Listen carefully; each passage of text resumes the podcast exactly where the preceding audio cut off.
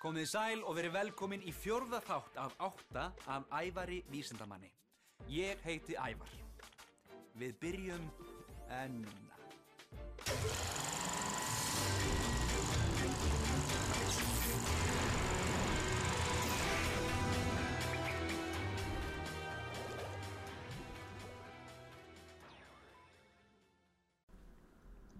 Jæja, bara góðan Góðan daginn. aftur. Það er bara hannig. Komið, velkomin aftur í banapotti, kæri hlustendur. Það var bara, hvernig byrjaði þetta hjá þér var? Hvernig komst þú í þennan bramsa og gera þessar tilraunir? Heyrðu, það, sko frá því að ég var pínu lítill þá var ég alltaf að búa til mína eigin útastætti þá var ekki komið neitt svona, ég er svo gamall sko það var ekki komið neitt svona podcast og maður gæti ekkert verið að setja neitt á netið af því að basically netið var ekki komið þannig að ég var með kassettur og var að taka það upp á kassettutækjum og ég átti ekki einu svona mikrofón þannig að, að ég þurfti meira sér stundum sko að því að kassettur virka þannig að þetta er svona band sem það tekur upp á og þú tekur oft upp á það að þá ferð að skemmast og fer að vera lélæra og þú ferð að heyra í gömlum upptökum undir. Þannig að ég man eftir einhvern veginn var ég að lesa bók á kassetu, ég veit ekkert okkur ég var að gera það og það heyrðist í upptökunni sem hafi verið á bandinu áður og ég var sko þurfti að öskra söguna til að reyna að kaffæra bandið sem var söguna sem var undir.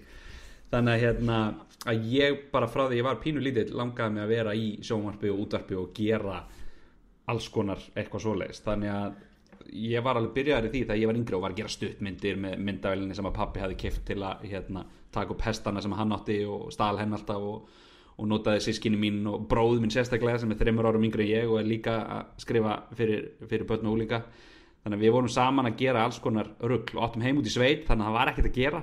Þannig að við fórum bara að búa til sögur og, og, hérna, og veisinast á milli þess að við hjálpaðum til heima og og svo í rauninni sko vísindadæmið byrjar að því ég hef alltaf verið algjör nörd hérna, en ég er ekki mentaður vísindamæður ég var að mála braut í mentaskóla og að því ég ætlaði að verða leikari og var búin að ákveða það alveg ógeðslega snemma þannig að allt sem ég gerði stemda því og ég hugsaði með mér ef ég kemst ekki inn í listaháskólan í leikaran hérna heima þá fer ég bara út til London og læri þar og þá er gott að hérna, vera búin að kunna hreima og læra frönsku og spænsku og svona eitthvað.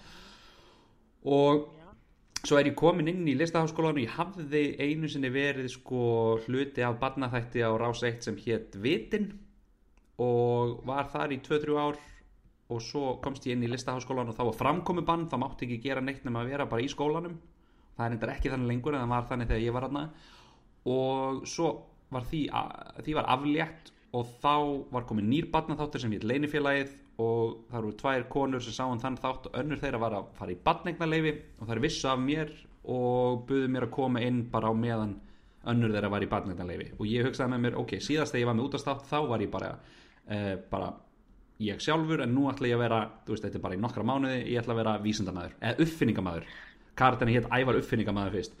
Og ég var basically bara að, þú veist, einmitt fræða, lesa upp á vísindavefnum uh, alls konar eitthvað svoleiðis. Og svo var Björgun Frans með stundina okkar og hann bauð okkur í heimsókn. Og ég hugsaði með mér, á þessi karakter og bara eftir að sjást einu sinni, þannig ég ætla bara að vera í fötunum mínum ég ætla að ruggla í hárinu mínu. Ég ætla að hérna, vera bara með glerugun mín. Þannig ég var ekkert að búa til neitt dulagerfi að því ég hugsaði með mér bara þetta er bara þetta, þetta á ekki fannst Björgunum Frans þetta svo skemmtilegt að hérna hann spurði hvort að ég var til að koma og vera reglulegur gestur í stundinu okkar og vera þá með fróðuleikum vísindi. Þannig að ég var til í það og var þar í þrjú fjóra ár og, og svo var gói að fara að taka við stund, stundinu okkar og þá fórum ég og leikstjórin að stundinu okkar sem var að hætta líka þá. Og pitchuðum þeirri hugmynd á rúf bara getum við gert sér þátt með þessum karakter. Og þannig verða þessi stóru þættir með æfari vísindamanni til sem er verið ennþá endur sína på rúf og við gerðum í fjögur ár hérna, þessi, þessi það sem við erum að, að, að fræðast um alls konar vísindi og, og, hérna, og ég í rauninni að læra ókvæmslega mikið að því að eins og segi, ég er ekkert mentaður vísindamæður en það er kannski bara gott að því að maður hefur alltaf lent í því þegar einhver veit eitthvað brjálæðislega mikið um eitthvað eins og bara maður í því að vera með starffræðikennara sem eru ókvæmslega góðir í starffræði sjálfur en kunna kannski ekkert rosalega mikið að miðla því og skilja ekki okkur þú skilur þetta ekki af því þeir eiga svo öðvöld með að skilja þetta. Þannig að það er fínt að sé bara einhver gubbi sem að veit ekki neitt og spyr, spyr inn að gera sérlega bara heimskulegu spurningana sem er bara, ég, ég veit ekkert hvað þetta er nennur útskýra fyrir mig bara alveg frá byrjun hvað er, hvað, hvað er í gangi hérna og hvernig virkar þetta. Þannig að ég held að það hafi verið hérna, unnið með mér að vera, ég náttúrulega vissi alltaf eitthvað en, en þú veist, ég, ég gæt verið svolítið fulltrúi áhorfendana ég held að ef ég hefði vit, verið sérfræðingur í öllu að þá hefði þetta, hefði þetta verið alltaf öðruvísi þættir og örgulega ekki eins skemmtilegir held ég Ég maður bara, þegar maður var yngri að hlaupa á laugardaginn til sjóðarsins að horfa, ævar vísindamann, yes. kom, kom með allar bækur og alls já, nákvæmlega, nákvæmlega. En síðan, Það að það eru hættir með ævar vísindamann Hvað Já. verður að gera þá? Heyrðu, sko, ég er náttúrulega mentað leikari þannig að á meðan ég er að gera ævar vísindamann þá er ég til dæmis fastraðan upp í þjóðleikúsi og er þar í fjögur ár og er að leika í alls konar sýningum og söngleikjum og, og lilla klifumús í dýrunum í hálsaskogi og, og bara svona alls konar. Og, og þegar ég um, er uh, hérna búin að vera þar í uh, fjögur ári og þá hérna er ég um, er líka þú veist, eru bækurnar farnar að taka svolítið yfir? Og það að skrifa sjónvanstátt tekur alveg brjálæslega langan tíma. Þetta eru bara 8 þættur á ári en ég er einn að skrifa þetta allt saman. Og hérna um, þannig ég sko fer bara svolítið all in í bækurnar. Og er að gefa út kannski þrjár, fjórar, fimm bækur eitt árið á, á sama árinu. Og hérna og það var, mér varst það mjög gaman og svo núna á síðustu þremur árum hefur það verið að gerast svolítið að ég byrjar að leika í öðru stöffi sem er ekki einmitt að vera vísindamæður og ekki eitthvað sem ég þarf að skrifa sjálfur heldur sko eitthvað sem ég get þá bara að hugsa um eitt karakter og verið bara í því og hérna, þarf ekki að bera ábyrðu öllum heiminum sem er ókslega næs þannig að, að það til dæmis eru seríur eins og, eins og hérna, þú veist, var ykkur litlu hlutverki í, nýju seríunu núna af Stelu Blomqvist en svo líka hérna Jarðanfjörur mín og brúðköpi mitt sem er í sjónvarpi Símans og svo Svörtu Sandar sem var glæpaserija sem var núna um jólin á stöðu 2 þannig að, að ég er svona farin að að leika leika svolítið aftur þannig. Og sko síðasta serían af að vera vísindamanni var tekin upp held ég 2017 held ég. Þannig að það er alveg komin þú veist það er næstu komin, hvað er komin 5 ár sem ég var að gera þetta. En að því að Rúf er ennþá að sína þættin alveg endalaust að þá er þú veist þegar ég er að mæti í skóla að því þú veist í þáttunum er ég, ég skegglaus og með hár og nú er ég sköllóttur með skegg þannig að þú veist ég var spörðun um daginn þegar ég mætti í skóla að lesa hvort ég var í dulargerfi og þekktu bara röddina þegar ég byrjaði að lesa. Þannig að hérna að, að, að hérna e, það er vera mjög gaman samt að geta gert svona alls konar alveg svo ég man líka þegar þú komst ykkur tíma í skólan okkar og last þarna þín einn góðasa, það var alveg svaklega skemmtilegt og já, takk fyrir ég- það akkurat lesi hana og nokkrar fleiri bækur og það er, það er svona það eru svo allt öðruvísi heldur en þessar venjulega bækur þess að það er alltaf að velja svona einmitt, möguleika og fara þínar eigin leiðir og eitthvað hannig mm einmitt. Það, í, í, í hvaða skóla er þið? við vorum í borgarskóla en núna við komin akkurat í víkurskóla. Ok, ok. Alright, já, Já. nei það, það er einmitt, til dæmis þær bækur er búið að vera mjög gaman að skrifa því að þær eru svo mikið út um allt og, og hérna og öðruvísi. Og, og hérna, já það er búið að vera mjög gaman. svona hvar, hvar, hvernig fannstu upp á þeim bókum? Það er svona akkurat allt öðruvísi bækur heldur en það sem að les venjulega Sko, fyrirmyndin að þessu eru bandaríska bæ, bækur sem að heita Choose Your Own Adventure sem eru þannig að þú ræði hvað gerist. Og það var einhver pappi árið 1970 eitthvað sem hann var alltaf að segja börnunum sínum sögur fyrir svefnin og nefndi svo ekki vera alltaf að búa eitthvað til þannig að hann byrjaði að leifa þeim að velja reglulega hvað gerðist í sögunni.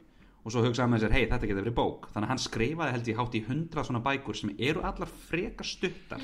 Og þær eru svona nærði að vera eins og stuttu þín eigin bækurnar sem að ég skrifa líka sem eru með fleiri myndum og, og eru meira svona afleggjarar úr stóru bókunum. Og ég mundi eftir þeim bókum þegar ég var yngri og svo þegar ég var að byrja að skrifa þá var ég uh, eins og svo ofta áður í Nexus og sá þar bók sem heitir Can You Survive the Zombie Apocalypse? Og það var svona bók þar sem þú ræði hvað gerist nema hún var þykk. Og, og það var bara svona ljósa per moment það var alveg bara, já ok, svona bækur geta verið þykkar. Það er spennandi. Þannig að alveg saman hvað gerist og þó séum ótala margir endar að þá getur þú samt fengið góða bók og getur fengið góða sögu þó hún endi illa. Og ég mitt las þá bók og þar til dæmis var einn möguleiki, ég var búin að þú veist það voru zombiar alls þar og ég var, var komin í eitthvað skóla og ég var búin að bjarga ykkur um heilum bekk og við vorum öll komin í rútu og ég var bara ok, hvað gerist núna? Og þá endaði sagan bara á því að við kerðum í burtu og, og það kom ekki endir. Og ég man að ég hugsaði með mér bara ok, ég þarf því mér varst það svo óþólandi eftir að ég var búin að vinna svo mikið fyrir því að komast þarna að ég mitt hugsaði með mér ok, ég þarf að passa að allir endarnir í bókunum mínum séu, sem eru góðir séu make sense og, ma og manni líði ekki eins og sagan sé bara hálfnuð. Þannig að, að hérna að svona frá eftir að hafa séð þá bók og kipt þá bók og skoða hana þá hugsaði með mér að það gæti verið gaman að skrifa svona á íslensku sérstaklega því enginn var búin að vera að því og ég hugsaði með mér einmitt að það væri bara tímaspörsmál hvenar einhver myndi gera það þannig að ég ákvað bara að vera fyrstur Já, En hérna, ég ætla að spyrja á hann með hérna Já. þættina Já. Þegar, þegar þú tókst upp seinasta þáttinn Mhm. 2017 Varstu búin að ákveða að það væri Er þið seinasti þátturinn?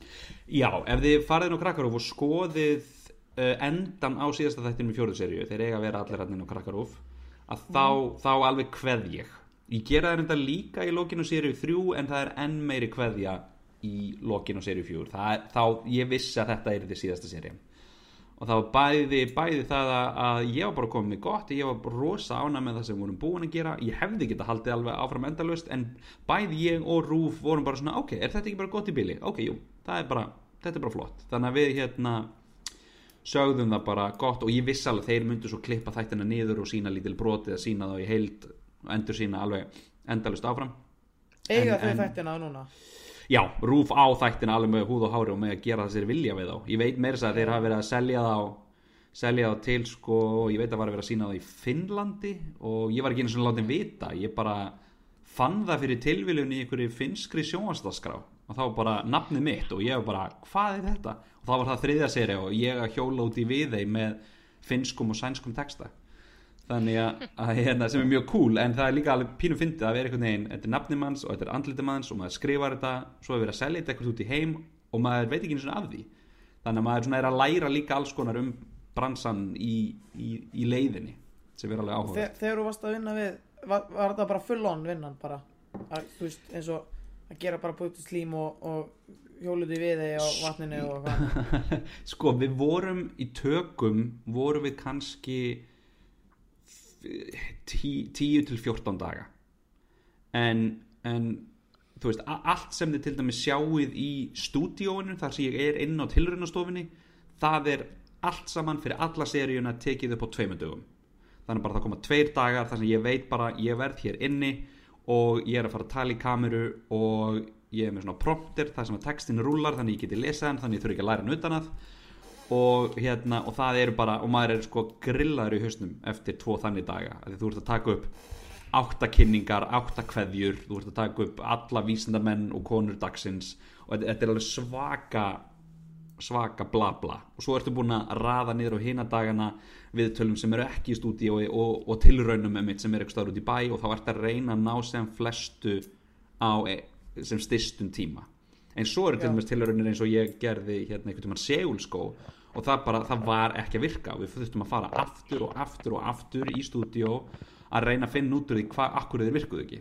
Þannig að, að þá þarf að bæta við dögum og breyta og, og, en á sama tíma þá kemur bara meira efni í þáttina því við þurfum að þú veist, við viljum ekki fela að það gangi illa, við viljum freka segja frá því og reyna að læra hvers vegna gengur illa hvað er að við gera vittlaust og, og hvað gerir maður þá já. já, En þú sagði alveg að þú bjóst í sveit. Hvar bjóstu þegar þú varst yngri? Herri, ég bjó í Borgarfyrði sem uh, á á sveitabæ sem að heitir Staðarhús sem að er svona miðja vegu á milli Borganes og Baulusjópunar ef þið eru á leiðinni norður þannig að Hvenær flyttur í bæinn ég, sko, ég fer fyrst norður á Akureyri ég var í mentaskólanum á Akureyri og svo flytt ég í bæinn þegar ég er 19 ára eitthvað slegis neða, 20, alltaf ekki Já. og hérna kemst inn í listaháskólan í annari tilraun og uh, er búin að búa hérna, já, síðan ég komst inn í skólan Já. yes. Ertu ekki líka leikir í ykkur hérna leikir þetta núna? Jú, ég er í leikriti sem heitir Blóðu að kanínan sem er eftir Elisabethu Jökuls. Við erum að eigum tvær sýningar eftir núna þegar, þegar þetta er tekið upp. Ein fyrsta mæ og ein Það 18. það mæ og hérna, og það búið rókslega gaman. Ég var ekki búin að vera á sviði að leika í sex ár. Og það var rosa gaman að, að takast á við það aftur og, og æfa þann vöðva upp að því maður er einhvern veginn hérna, já nei að því ég er ekki búin að vera á svið í sex ár þá er svo gaman að, að fara aftur á svið og, og æfa þann vöðva og, og, og líka þegar maður er að skrifa maður er svo mikið einn. Þannig að það er svo gaman Já, að fara í leikhóp og vinna verk með skemmtilegu fólki. Þannig að það er búið að vera mjög gaman að, að hérna, gera það aftur. En það var eitt sem að mér langaði að spyrja það með svörtusanda já, Þetta var tekið upp í fjörinni á sveitinu minni Í sveitinni á mér. Ok, ok. Að- Er þetta ekki, ekki hægra megin við pí- dy- Dyrólei jú við fengum Ekki vík megin heldur hinum megin. Jú, þetta, vo, þetta voru nokkrar. Ertu að meina sem sagt, það sem, það sem er í lokin eða ertu að meina þú veist, að því það er sem alveg nokk konan, hana, Það sem Það sem að hún lá. fundu konuna fyrst Já, Já, já, já, já. Jú, jú, jú, jú. Og við fengum að fara sko á, fengum eitthvað sérstætt leifi til að fara á svæði sem er venjulega lokað. Við vorum, fórum í eitthvað sko svaka jeppa til að keira þarna í gegn og eitthvað já, já, Þetta, við, hérna, förum að alltaf á böggi í bílum sko Þegar Ok. við erum í sveitinni Ok, hana hring nice. og förum eitthvað Gekja, já þetta var rosa fallit ég náttúrulega bara, hef ekki verið mikið á þessu svæði þannig að það var ógæslega gaman að fá Já, já. einmitt, bæði að koma þarna og líka einmitt að vera á svæði sem, að, sem ekki allir fá aðgang að það er mjög cool Ég var, líka, ég var nýbúin að rúnda hann og síðan bara, hann að fyrir eitthvað að horfa á þættina og bara sé strax hvað þetta er sko. já, gekja og síðan var hérna restin hann að tekinu upp á kirkjubæðaklustri já, kirkjubæðarklustri og líka í Mosfellsbæ og í Reykjavík eða rétt fyrir utan Reykjavík. Að því að var svo það bara rúndur á milli til að taka upp? Já, við kom, við fórum alltaf sko og við gistum rétt fyrir utan vík á Já. svona einhver gisti eða hóteli. Og, og eh, sem var mjög næs. Og vorum sko já, keir, okkur var alltaf keirt á milli en manni var keirt þannig, þú veist, en nú ég til dæmis ekki í, í aðalhluturkinu, ég veit að Aldís sem er leikur aðalhluturki, hún bara bjóða þarna og var þarna bara í tvo mánuði.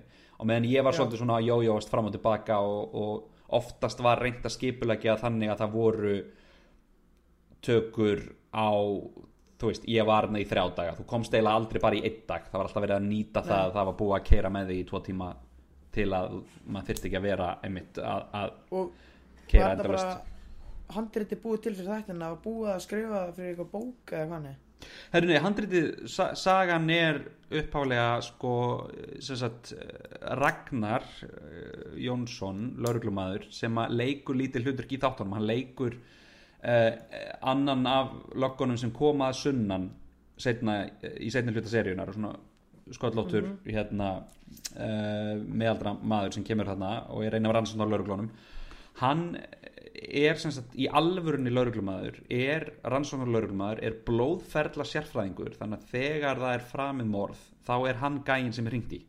Og hann er bara, hann er sá klárasti á landinu í þessu öllu saman. Og það er alveg magnað að hafa... Er það hann að geðsjúklingun hann sem að sem að þóttist vera góðugörinn? Nei, nei, nei, nei, nei, nei, nei, nei. Það er, það er strákur sem heitir Kolli og hann er, hann er ekki, ekki svona rugglar í alvörunni. Sem betur fyrir hann er indislegur það sem gerir það, mjög, sýnir bara hvað hann er góðu leikari. Nei, Raggi er, er þau komuð þarna tvöð í setni hluta seríunar sem voru svolítið með mér. Það var ein, ein stelpa á aldur við mig og, og svo hérna ein kona sem heitir Vivian og var í leinulöku meðal annars og hérna og svo hann Raggi sem var var þetta líka. Og hann sem sagt, hann fær hugmyndina að þessari seríu fyrir einhver, einhverjum árum og hann byggir þetta á uh, morði sem sem sagt var í alvörunni hérna á Íslandi árið 1980 eitthvað þar sem einhver var að, var að hérna, myrða túrista. Ekki marga heldur bara einhver, já, nákvæmlega og, og hérna og hann sem sagt fær þessa hugmynd og er að leika og sko eiginlega allir lögguþættir sístu árin hafa verið með ragga einhver staðar í bakgrunnum af því að hann er svo hann er bæðið svo mikil bíómyndagægi og hann er líka uh, svo klár í bara hvernig á að gera hlutina eins og þeir séu sem raunverulegastir. Þannig að hann er oft í litlum hlutverkum sem lauruglu þjótt og það eru rosa margir, margar löggur sem heita Raggi í íslensku efni út af honum af því að fólk er að svona þakka honum fyrir að hafa verið með og hjálpa og lauma nafninu hans inn hann er búinn að vera að leika í ég held að það hafi verið brot og uh, Aldís var Já. lítið hlutverk þar og þau eru saman í senu og er eitthvað að spjalla og hann segir henni frá því að hann sé að vinna að hugmynd að þætti þar sem að lauruglumadur lendir í hnyggsli í Reykjavík fer aftur á heimaslóðirnar og lendir í einhverju vesinni þar því þar er einhverja myrða túrista. Og Aldís, töffarinn sem hún er segir, akkur er þetta strákur? Akkur er þetta ekki lauruglu kona og hann bara, já þú meinar. Þannig að þau byrja bara að vinna saman og fara svo upp í Glassrever og hitta þar Baldvin Setu sem að skrifa þetta með þeim og, og leikstýrir þessu. Og þau byrja að vinna þetta saman og, og, og eru held í svona tvö ár að skrifa þetta og sækjum fjármagn og eitthvað svo leys og svo bara í, í miðju COVID fyrir við bara í tökur. Þannig að handritið er allt tilbúið en, en Batti leikstjóri er alveg sko indislegur því leitinu til að hann leifi manni ef manni finnst eitthvað skringilega orðað þá má maður breyta því. Hann var líka alveg, sagði sjálfur hann væri með ofnæmi fyrir sko löggutali. Hann vildi ekki að, að þú veist hann sagði í mörgum lögguþáttum þá hljómar hlutinni eins og þeir séu, þú veist það talar ekki svona í alvörinni þetta er, þetta er hérna þetta er svo þurrt og þetta er svo skrítið og, og bara umorðum þetta, lögum þetta þannig að hérna við vorum alveg meðvitað að vinna með það að, reyna að tala bara eins og eins og venjulegt fólk Já, já, já. Þú, þú varst ekki að leika í hann nýju þáttunum, hvað heita, hann sem, sem að, það voru bæjastjórinn hann og voru fiskinn. uh, Já, hérna verbúð Já, verbúðin. Nei, ég var ekki verbúð ég, ég, ég er einn af fáum íslensku leikurum sem er hvorki í verbúð nýja ófærð. Við erum örfá. En ég fekk svörtusand á og, og jarðaförun á brúkupi í staðinn Þannig að ég er alveg sáttur. Já, já. Og með hérna, hver, leik, hver er þessi Aldís? Já. Aldís, Aldís Ama Hamilton er sem sagt aðalhlutverkið í svörtusöndum hún, er- hún, er, hún er Anita og, hérna, og er líka eina þeir sem að skrifar Hvað heitir aftur, hvað heit aftur konan sem leik mömmunar? Steinóluna Já, hún. Já, já legendið Steinun Hún leitt líka í lög, leinilögunni.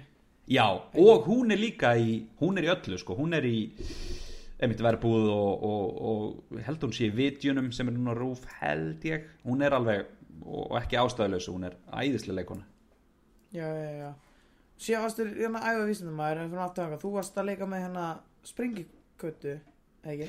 Já, ég sko, þegar ég var að velta því fyrir mig hvort þetta gæti hugsalega virkað sem sér þættir, af því að oft sér maður, þú veist bara þegar karaktera, hvort sem það er í bandarískum gaman þáttum eða whatever, fá það sem er kallað spin-off, það er að sér þátt einhver fyndin auka karakter eða skemmtilegur auka karakter fær heilan þátt bara fyrir sig að þá er það alveg 50-50 hvort það virkar eða ekki stundum virkar það bara enga veginn og karakterinn hefði bara átt að vera áfram auka karakter af því þar líður honum best.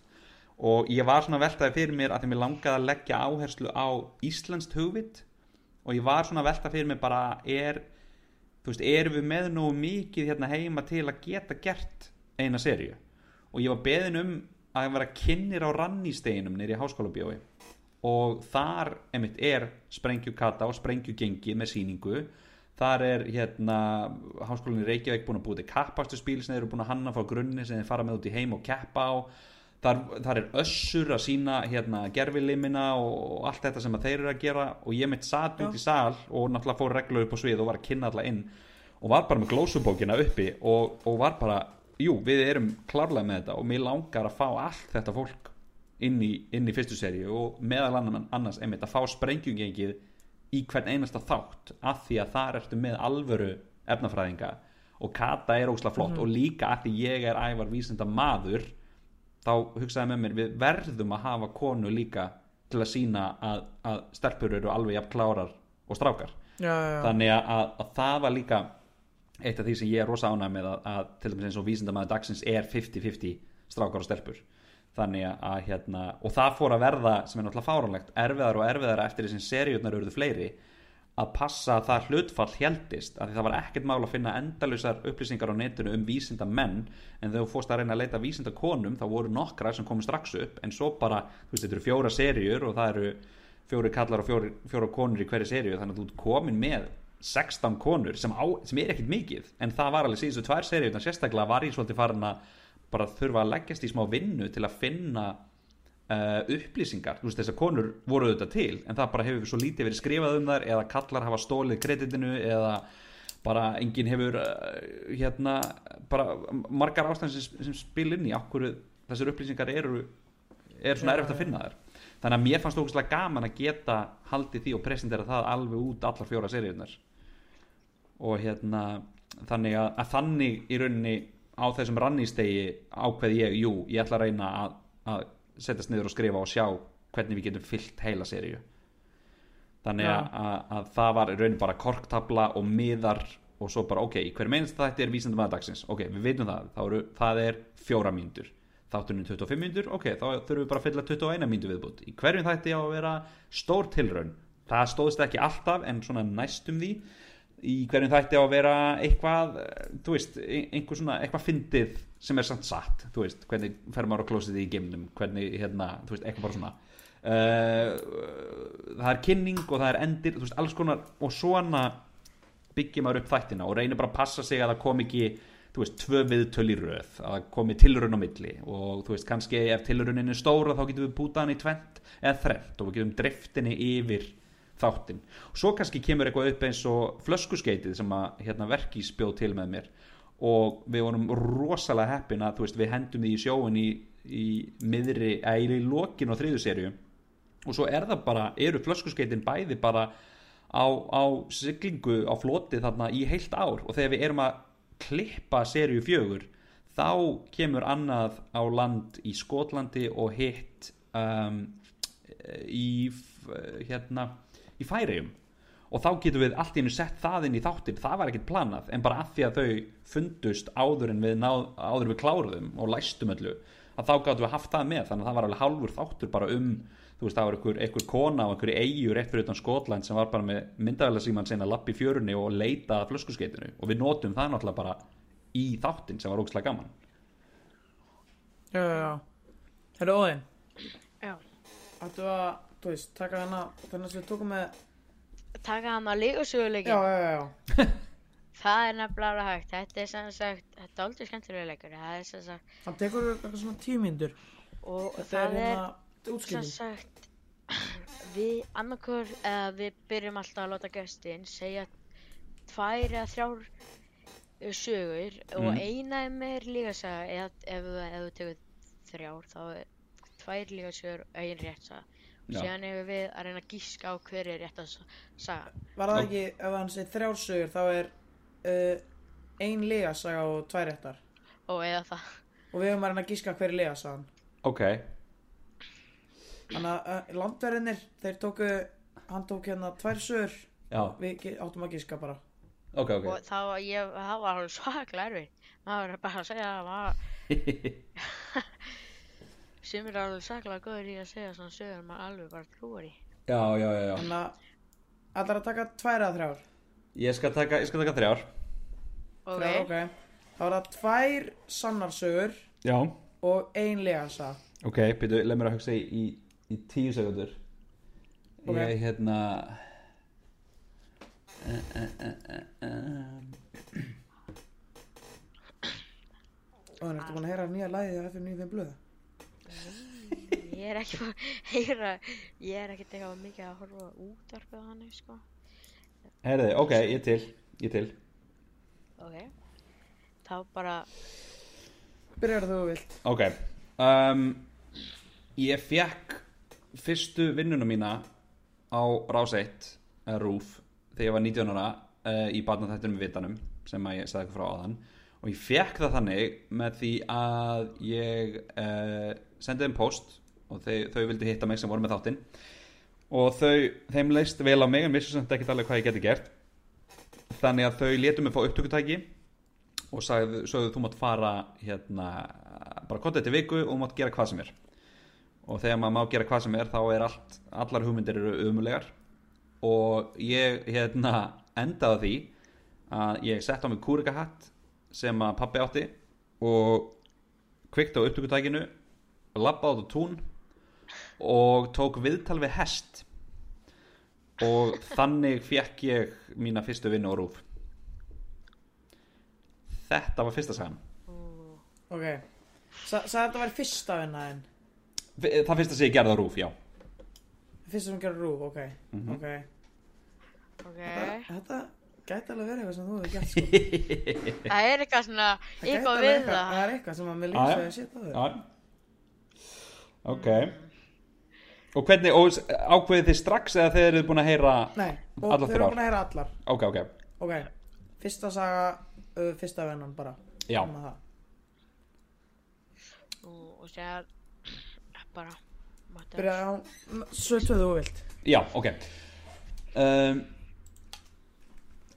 Þegar ég var í uh, mentaskólanum á Akureyri að þá, sko ég á ammali í desember og þegar maður á ammali í desember og er úlingur að þá kemst maður setna inn á skemmtistæði heldur en uh, jafnaldramanns. Af því að það er alltaf tekið, þú veist, orðin ég man ekki hvað var, þurftur að vera tvítugur til að komast inn að þá hérna uh, þarftu sem sagt að, að þú veist, viniðinni sem eru fættir í oktober getur komast inn í oktober en þú kemst ekki inn fyrir desember sem er alltaf óþólandi ég hef alltaf verið sko yngstur, minnstur og aftastur stafránu það var grunnskóli basically fyrir mig og hérna og, en að því ég fættur 1984 þá gat maður sko breytt fjarkanum á, á þú veist, ég átti svona debetkort og ég gat sko kroppað í burtu uh, hérna fjarkan, hluta af honum þannig að hann leit út eins og einn.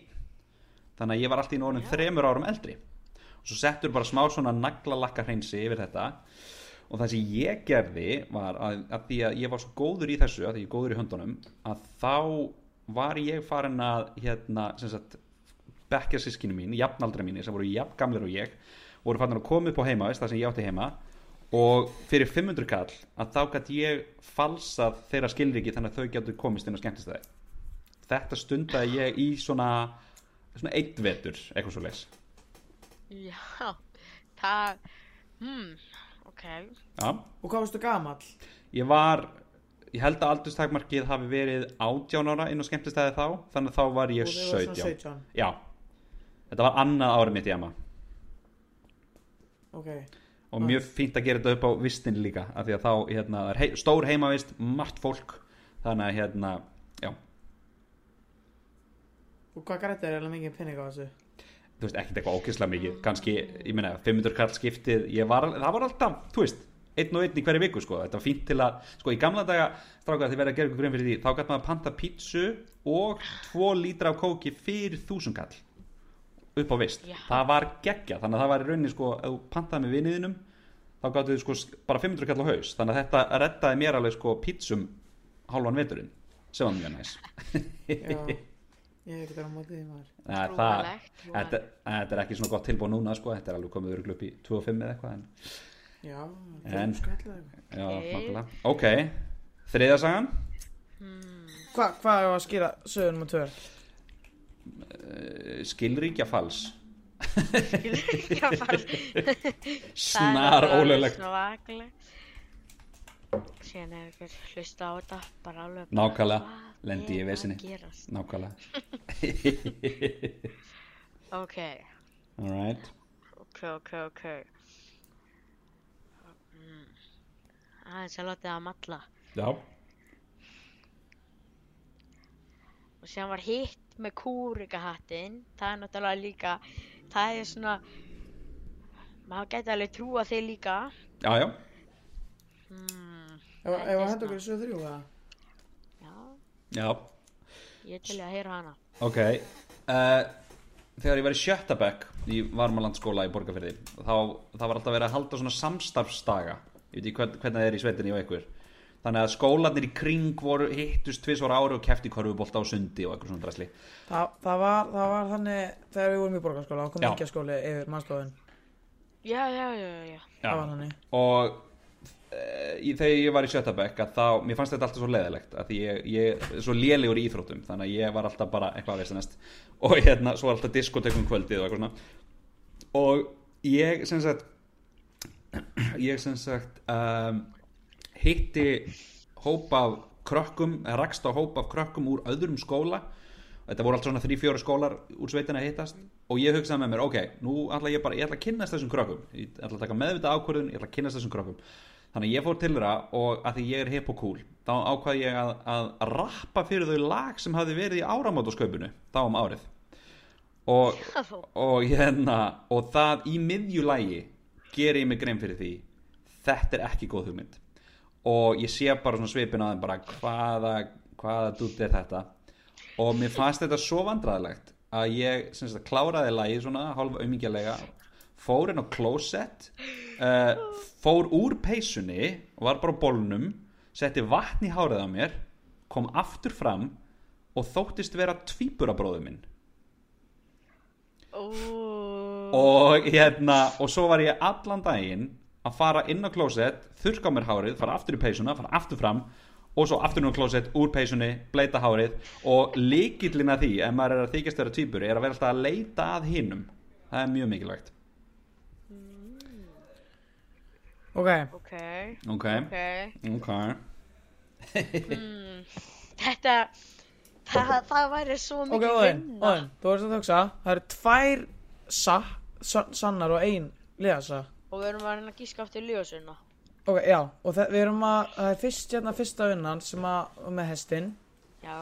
við setjum Síðan er það, sk- hann að skafa skilríkin Og síðan er það Að leika ra- tvíburabróðir. Já, leika týpurabróðin Ú, ok, þetta, þetta er alveg erfitt, sko. Já, Sko, ég þekki alveg fólk sem myndi gera svona skilríkjafals þetta, Ó, þetta, er, vei. þetta, er voða, þetta er voða lítið mál sko. þetta er bara, ef þið eru með kortið sko. þetta er aðeins erfiðara núna örgulega út af rafrænum og svona útgáfum af Já, þessu og já, svona já En þú getur tekið bara, þú veist, lítinn vasarnýf eða, eða eitthvað svolítið og sk- skafað bara, mátt ekki skafa of djúpt þá sérst það. Já, já, já Ok, Óðinn, kottu með eitthvað, kottu með eitthvað sem að Alveg bara, Sko, ég held allan að skilríkjafalsi sé Á, ég veit það ekki veistu hvað, ég Ég held að sé satt Ég held að sé held- satt Ég held að tvíbura, Dóti, það er eitthvað sem maður myndi bara gera. Því að hann, hann hefur alltaf langað til að vera leikari, þá myndi hann fara og vera geggja góður í því að leika tvíburabróðið sinn. En síðan, ah, á sama tíma það er hann svona, vá, það er þið voða erfitt. Að vera alltaf eitthvað að skipta og, En ég myndi allan að segja að Sko, skilríkja Ég myndi giska að það veri satt. Síðan myndi ég alveg trúa að hestasagan væri líka sönn. Já, Og ég myndi vilja segja að uh, Týparabróðarsagan væri lígi ok, ok, ok. Þú segir núna hvað þú Sko, ég held að að því að tvíburasagan er rétt bara að það, að það, er, það myndi taka mann svona tíma en ég held að hann gæti alveg gert það ef maður var að hlaupa alveg á mulli mm síðan held ég að að, na, að kúrika hætta sagan nei bebi þetta ah, þetta er dæjana hmm, ok. Ég held allan að hestadótið og skil, ég held að, ég held að týparabróðarsagan sé lígi ok, ok. Ég ætla að segja að tvíburasagan og kúrika hætta sagan sé rétt. Og hann ha, og lígasagan er að hann gerði annað með Skilríkjafalsi. skilríkið Þurfið að vera sammála, hvernig virkar það? Sko, við, við gerðum það seinast Ok, Það voru tvær sögur. En ef við prófa þetta að hafa þetta svona en Þú ert með þitt og ég, ég með mitt. Já, sem getum við bara að byrja. Keppni, hver fær með sér stíl Já, já, já, já, já Ok, á það er gott Og að ég- þátta, það er gott.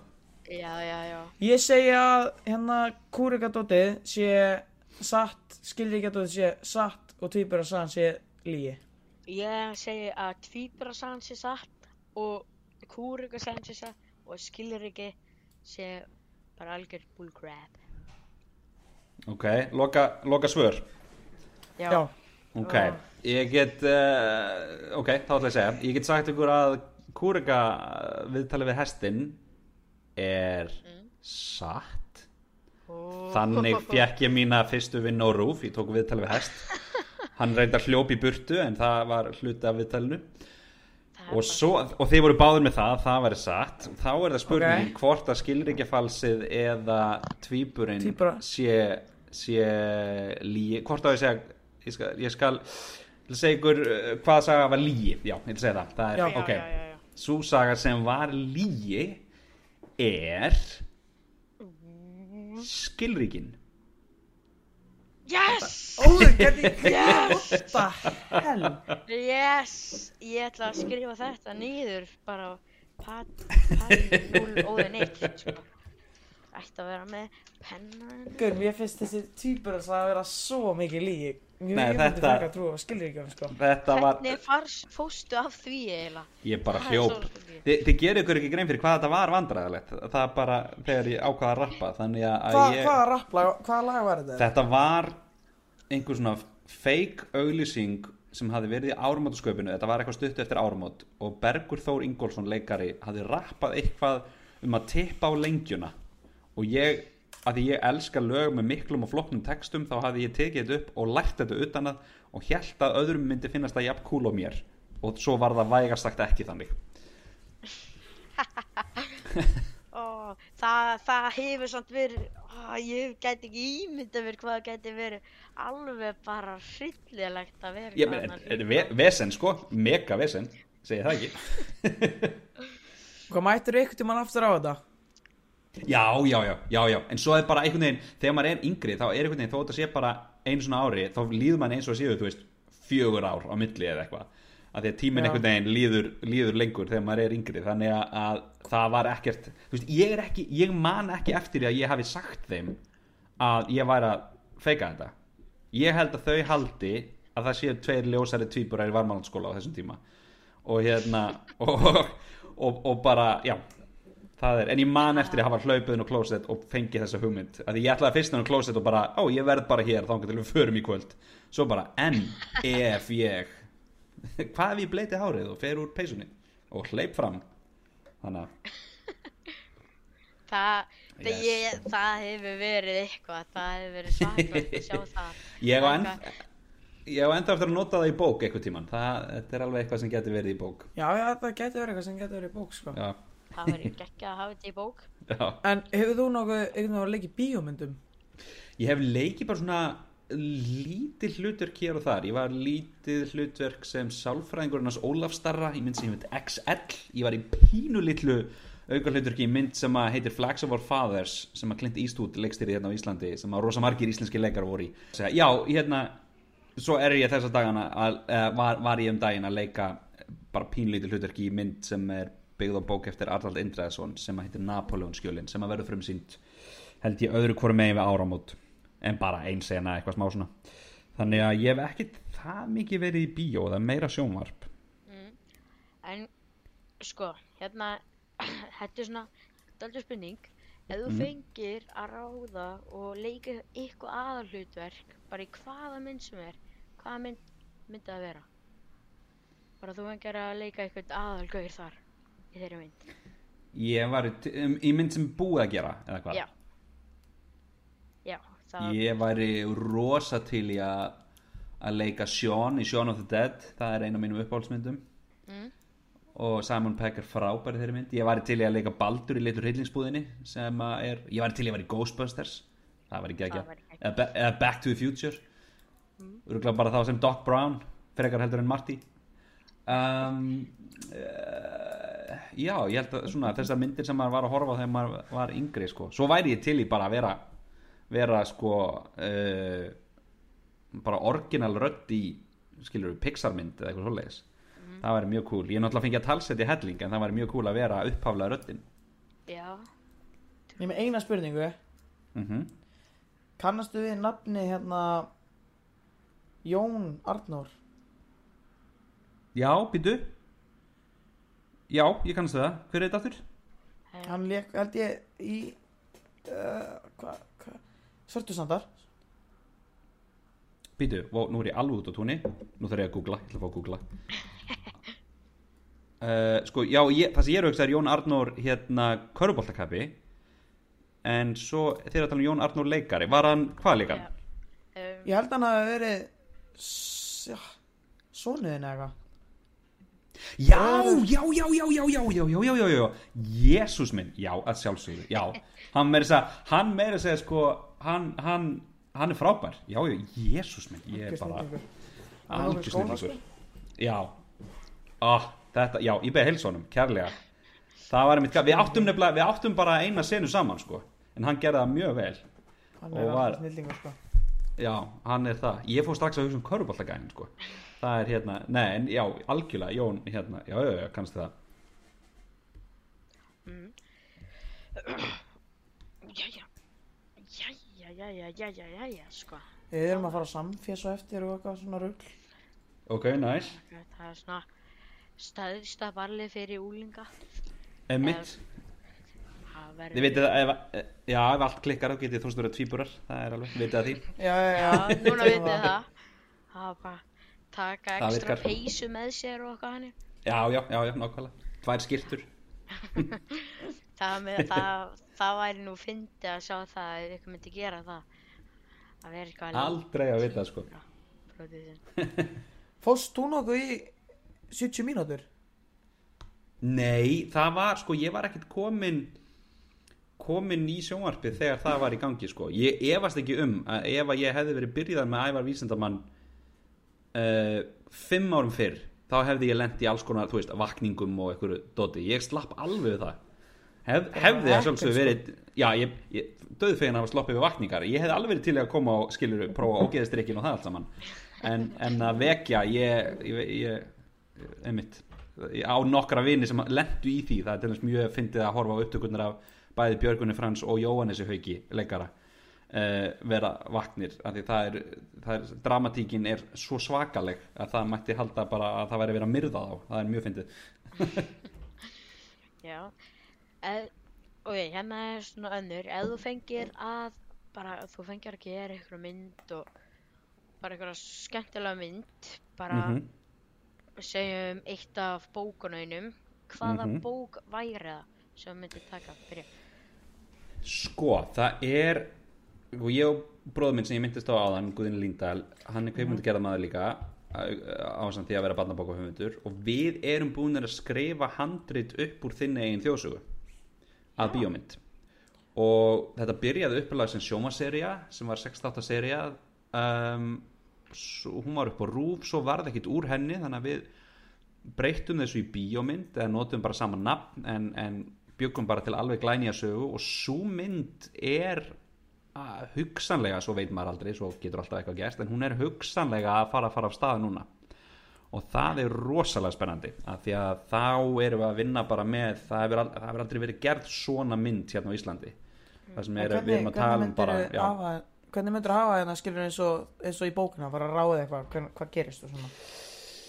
Sko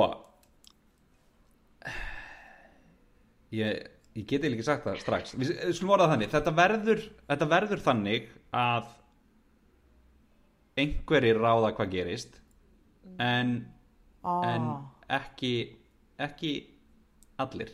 Veit, þetta útskýrir þetta mjög illa. Að því að sko við vorum búin að skrifa sjónvastátt sem var þannig að áhörfundur bara heim í stofu máttu ráða hvað gerðist.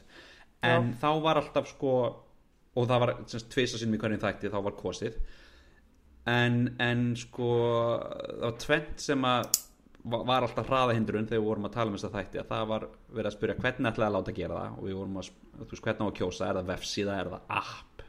Hvern, þú veist, er það er það eitthvað sérstök fjastring sem allir eru með eitthvað svo leis og hitt er sko að ef þú ert að taka upp marga mismöndi enda og margar mismöndi útgáfur að þá ert í rauninni þá verður serían miklu dýrari að þú ert að taka upp rosalega mörg atriði.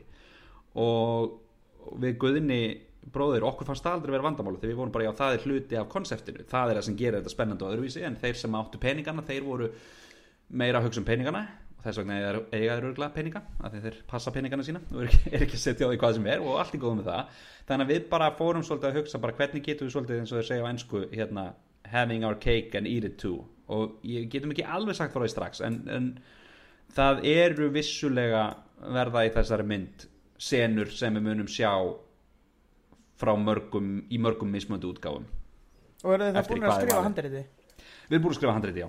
Og erum, þið erum að- að... mjög, mjög ánægð með það. Við erum ekki búin að kasta, við erum að fara í sem sagt núna eh, við erum komið þrjá styrki frá sem sagt kvikmyndasjóðu upp á handrit að gera. Erum búin að læsa því og erum núna bara eftir nokkra daga að fara að senda inn það er sem sagt fyrirtæki sem heitir Zigzag kvikmyndafyrirtæki, þau hérna, eru, eru sem sagt að framlega þetta og við erum að fara að senda inn sem sagt, ég held að heiti þró, nei framleiðslu styrkur og þá þurfum að senda alveg svona bara heilu rítgerðirnar af efni með til að raukstiðja og útskýra og allt svoleiðis. Þannig að þetta er, þetta er heilmikil vinna á bakvið eina bíómynd sko. Bara áður en hún getur einu sinni orðið af einhverju sem, þú veist, við erum ekki einu sinni byrjuð að skoða leikara og það er, Já, já, það er við, erum, við erum ennþá bara að skrifa þetta niður sko. Eru þið ekki byrjað að skoða leikara? við svona, svona innan, þú veist, ég veit að ég ætla að leika í þessu klárlega. En, en hérna, ég ætla ekki að skrifa heila bíómynd og leika ekki í henni. En, en um, við erum með svona, þú veist, við erum með hugmyndir en, en svo er ekkit fest í stein að því að til dæmis það eru alveg nokkri krakkar sem eru karakterar í myndinni en við þórum ekki alveg að byrja að setja niður eitthvað draumakast eða vera með einhvers konar pröfur af því að við vitum bara hreinlega ekki hvena við getum byrjað og krakkar breytast svo hratt á, þú veist, á, á bara alltaf, alveg saman hvað eru gamlir. Þannig að, að það er kannski einhver sem væri með fullkomið útlit og hæð og feeling akkurat núna en svo þegar við förum í tökur eftir eitt og halvt ár þá er sá gæi bara orðin, orðin 17 ára úlingur og bara passar ekki lengur í hlutverkið. Þannig að Já. þegar við getum byrjað að kasta og við vitum að þetta er að fara að fara í tökur þá mun það ekki fara fram hjá neinum þegar við förum að kalla eftir fólki í pröfur og það verður ógeðslega gaman að finna þetta eru, þetta eru þrjú eða fjögur hérna, hlutverk sem að já, fyrir, fyrir, fyrir krakka ólinga sem, að, sem væru þarna. Og, og verður þetta þá, þú veist, svona mynd sem að verður sýnd í bíó og hana já, já, já, já. Þetta er alveg, þetta er alveg dæmi sko, við erum að hugsa, það var alltaf verið að segja við ykkur þegar við vorum að skrifa myndina sko, bara hugsið stórt og við, við tónum þetta svo niður. Og hérna, og við hugsaðum rosalega stórt og það er enginn búin að tóna neitt niður, þannig að þetta bara stendur, þú veist, þetta er bara risa mynd og við erum að nota skrýmslin úr íslensku þjóðsógunum sem hinga til hafa voðalega lítið verið í íslensku efni þannig að við erum alveg að leifa okkur að fara bara all in í skrýmsli og lætið sko, sem er mjög gaman og mjög spennandi það gengur eitthvað illa að leita leikara og heyrur bara í honum óðinn Já, akkurat. Já, er, ertu leikari, Óðinn? Það ég meina. Ég hef ekki leik í híninu Það var bara svona Við erum voða mjög efnileg leikara. skemmtilegt einhvern tímann að fara að leika. Það væri hef, með hefur svona hugsa út í það fara Já, að leika geggjað. og eitthvað hennar bara 100% eins og ég segi, það mun ekkit fara fram hjá neinum þegar við hérna köllum í pröfur þannig að þið bara þið mætið bara, Við- báðir. Við mætum bara báðir. Nákvæmlega. Ekki óðinn Jú, jú, á allt Er það ekki bara bara að byrja að leika, byrja þetta núna þá. Já, nákvæmlega. Bara now or never næstu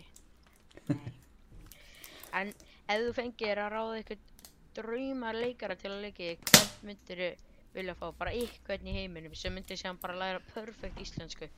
Eða þá ef þú myndir gera hann ansku Ég myndi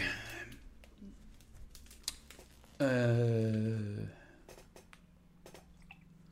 Vá, það er góð spurning. Ég til dæmis núna er ég að horfa á hérna Moon Knight Marvel þættina. Oscar Isaacs er, er æðislegur. Og ég myndi ég myndi, ég myndi tekja á þeim þáttu, þeir eru mjög flottir. Um, bara horfa á það brálega Já um, Nei, ég myndi örugglega kasta Ég myndi örugglega kasta Simon Pegg úr the Dead Og svo láta geta hann eftir svona mínútu Af einhverju skrýmsli Þannig að maður heldur, þú veist, hann er fremst á plakatinu Og maður heldur að hann sé að fara að vera aðalgæin Svo er hann bara getin og þá er engin eftir nema ég sko. Þa, Þannig myndi myndin byrja. Það með, svak- myndina eða þessa Mhm. mynd, já. Verður, verður þetta hérna þú veist er þetta í aðalhutverkunum er þetta krakkar sem er að leika? Uh, þa Það eru nokkur aðalhutur Og nokkur af þeim eru krakkar, já. Ok, Þannig að það eru bæði krakkar og fullonir þetta er, þetta er svona alls konar. Hvað eru mörg hlutverk? Veit ég hvað eru mörg hlutverk í henni? Óguð, nei, ég veit ekki. Alveg uh, við slum orða það þannig, það eru fleiri skrýmsli en hlutverk ef það segir Já. eitthvað sem að verða þá bara svona teiknuð einhvern veginn.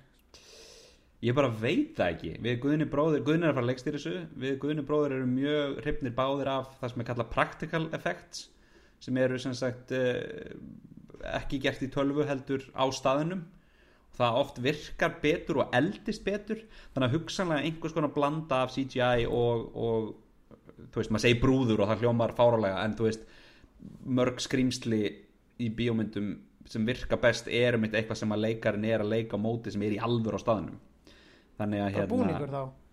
Já eða þú veist eins og hafið sér gremlins. Já, það er já, svart. það er til dæmis já, þú veist, það er til dæmis er allt brúður. Það er ekki CGI, þú veist, hún er gerð 84 og hérna og það er allt á staðinum þannig að hérna það er til dæmis uh, hérna og ég meina maður skoða líka, þú veist nýju Jurassic Park og svo fyrstu Jurassic Park. Og í fyrstu Jurassic Park það er risastór grameðla á svæðinu. Og þau eru að horfa á risastórt velminni sem er þessi grameðla. Það er miklu einhvern veginn meira juicy heldur en tölvuteknuður risaðlunar sem að hreyfa sig alltaf pínu þannig að maður sér að það er ekki er ekki á staðanum í alvöru. Það vantar eitthvað svona þyngd í þær. Þannig að svona einhver, einhver milli, eitthvað þarna á milli. En við erum bara, eins og ég segi á þeim stað að þetta er bara mjög snemma í ferlinu og maður veit ekkert, kannski á næsta ári kannski kemur eitthvað upp á þú veist, maður bara, já maður veit ekki. Hvað er það búin að plana að búið til myndur svo lengi Sko við skrifum þess að þætti fyrir held ég alveg 5-6 árum. Um, uh, Við erum búin að vera núna 2 ár að vinna í handritinu eitthvað slis og erum, erum odnir nokkuð ánæða með það. Og hvað verður það bara byrja að taka upp bara á næsta ári eða eitthvað? Það væri draumurinn en sjáum til, svo tekur kveikmyndasjóður alltaf smá tíma í að ég fari yfir hlutina og svo þarf að fá erlegt fjármagn og, og svona alls konar. Þannig, sjáum til Það verður eitthvað mynd, sko. Það verður alveg svakalegt, trúi ég. Já, vondi Herru, þetta er bara að vera að koma alveg svakalegt podcast, maður. maður þetta er bara, það er maður svona gleymi sér akkurat þegar maður byrjar að Já. spjalla og sér bara Einmitt komin eitt, tveir klukkutímar og maður er bara svona, jæja, það er bara, maður er bara strax komið svona langt með þetta. Nákvæmlega, nákvæmlega Herru, ég held að ég er klukkan? Ég... Du, du, du. Patti, veistu hvernig við erum að fara þarna? um, ára mættir þetta klukkutíma Aha. Já. Heyrðu. Ég ætti að fara að kaupa buksur. Herðu, í það strax Það má enginn mæta buksnalaus og samfés Það er eina á reglunum og hérna ætlar að segja eitthvað hérna að lókum eitthvað skemmtilegt Bara, það var bara frábært að fá það það var. Bara Já, bara takk fyrir að- að að bjóða mér og, og, og gott að við fundum langsins tíma. Við erum búin að vera hvað í mánuð að reyna að finna já, tíma til að alltaf hittast búið að vera eitthvað, eitthvað að gera stanna Ég er alltaf eitthvað upptökin einhvers staðar að vesenast eitthvað og mæta seint og svona þannig að bara takk fyrir að hinkra eftir mér. Bara búið að gegja. Æði, Patti,